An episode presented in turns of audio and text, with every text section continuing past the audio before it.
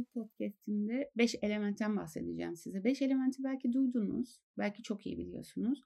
Ama bütünsel sağlık dediğimizde, mekan, beden, doğa ilişkisini anlamak istediğimizde, doğanın akışına vakıf olmak istediğimizde 5 element sistemini iyi anlamalıyız.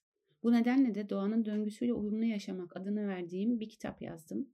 Ve bu kitabın girişinde e, anlattığım birkaç bölümü paylaşmak istiyorum sizinle. Binlerce yıldır doğanın yaşadığı dönüşüme uyum sağlayarak günümüze kadar ulaştık. Modern insanın hayatın akışını yönetme gayretinin nafile bir çaba olduğunu bazen bir virüs, bazen de bir doğa ile deneyimliyoruz.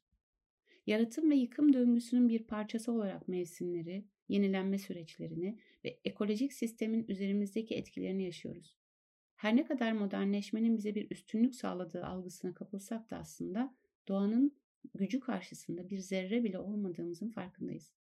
Soğuyan havaya, kuraklığa, denizlerin kirlenmesine ve karbon salınımıyla zarar verdiğimiz atmosferin bize etkisine henüz bir çözüm bulmuş değiliz.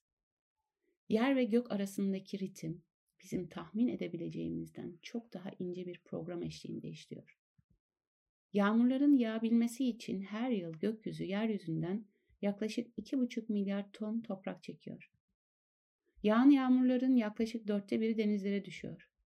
Yağmur suyunun içindeki bakteriler denizlerdeki algleri besliyor. Onlar karidesleri, karidesler balıkları, balıklarda yunusları.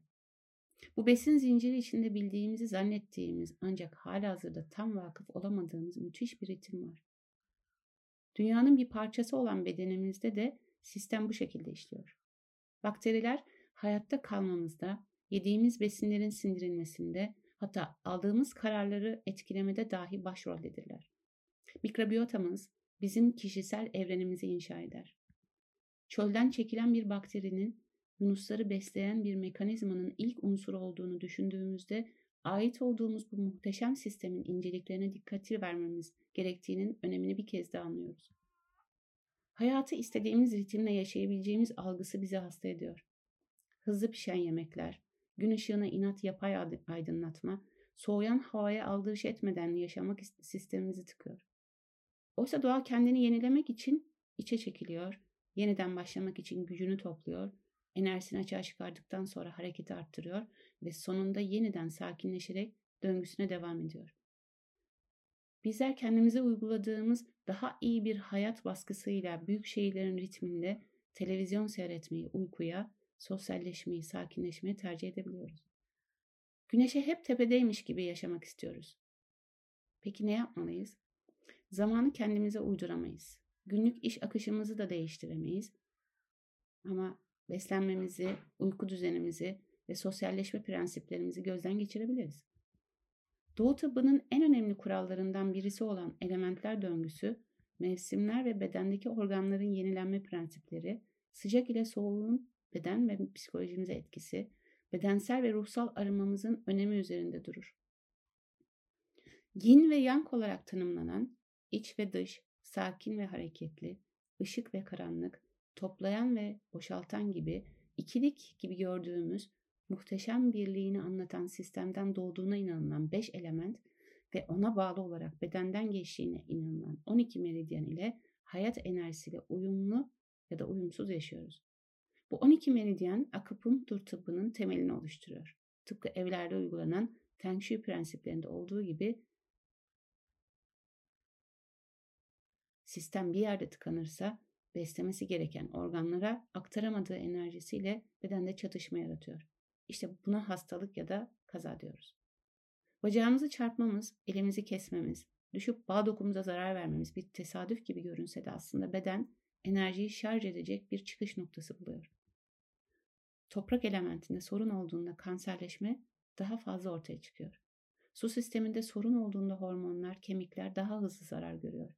Güzel haber şu ki sistemin aksayan noktasını bulduğumuzda ve ritmini yakalanmasına yardım ettiğimizde hastalık kendinden ortadan kalkıyor. Bir sorunun sonucunda ortaya çıkan hastalıkları değil, hastalığı ortaya oluşturan yaşam biçimimizi, düşüncelerimizi ve beslenme tercihlerimizi değiştirdiğimizde kendi kendimizin terapisti olabiliriz. Bu kitapta anlattıklarım yıllar içinde okuduğum kitaplardan, makalelerden, takip ettiğim derneklerden, bu işe gönül vermiş bütünsel sağlık odaklı çalışan hekimlerden ve kendi bedenimde yaşadığım değişimlerden edindiğim deneyimlerden ortaya çıktı. Doğduğumda böbreklerime yerleşmiş olan kistlerden bu sayede kurtuldum. 44 yaşıma kadar nan çölyak hastası olduğumu bilmediğimden ince bağırsağım oldukça zarar görmüştü. Bu nedenle tam performans çalışamayan tiroid bezindeki sorun 12 yaşımda fark edilmiş olsa da tedaviler sonuç vermemişti. 49 yaşında yaşadığım otoimmün saldırıyla ne kadar iyi beslensen de sistemdeki aksayan noktayı bulmadan tam anlamıyla iyileşemeyeceğimi anladım. Üstelik beslenme ya da dışarıdan aldığımız etkiler sadece bedenimizi değil, psikolojimizi de etkiliyor.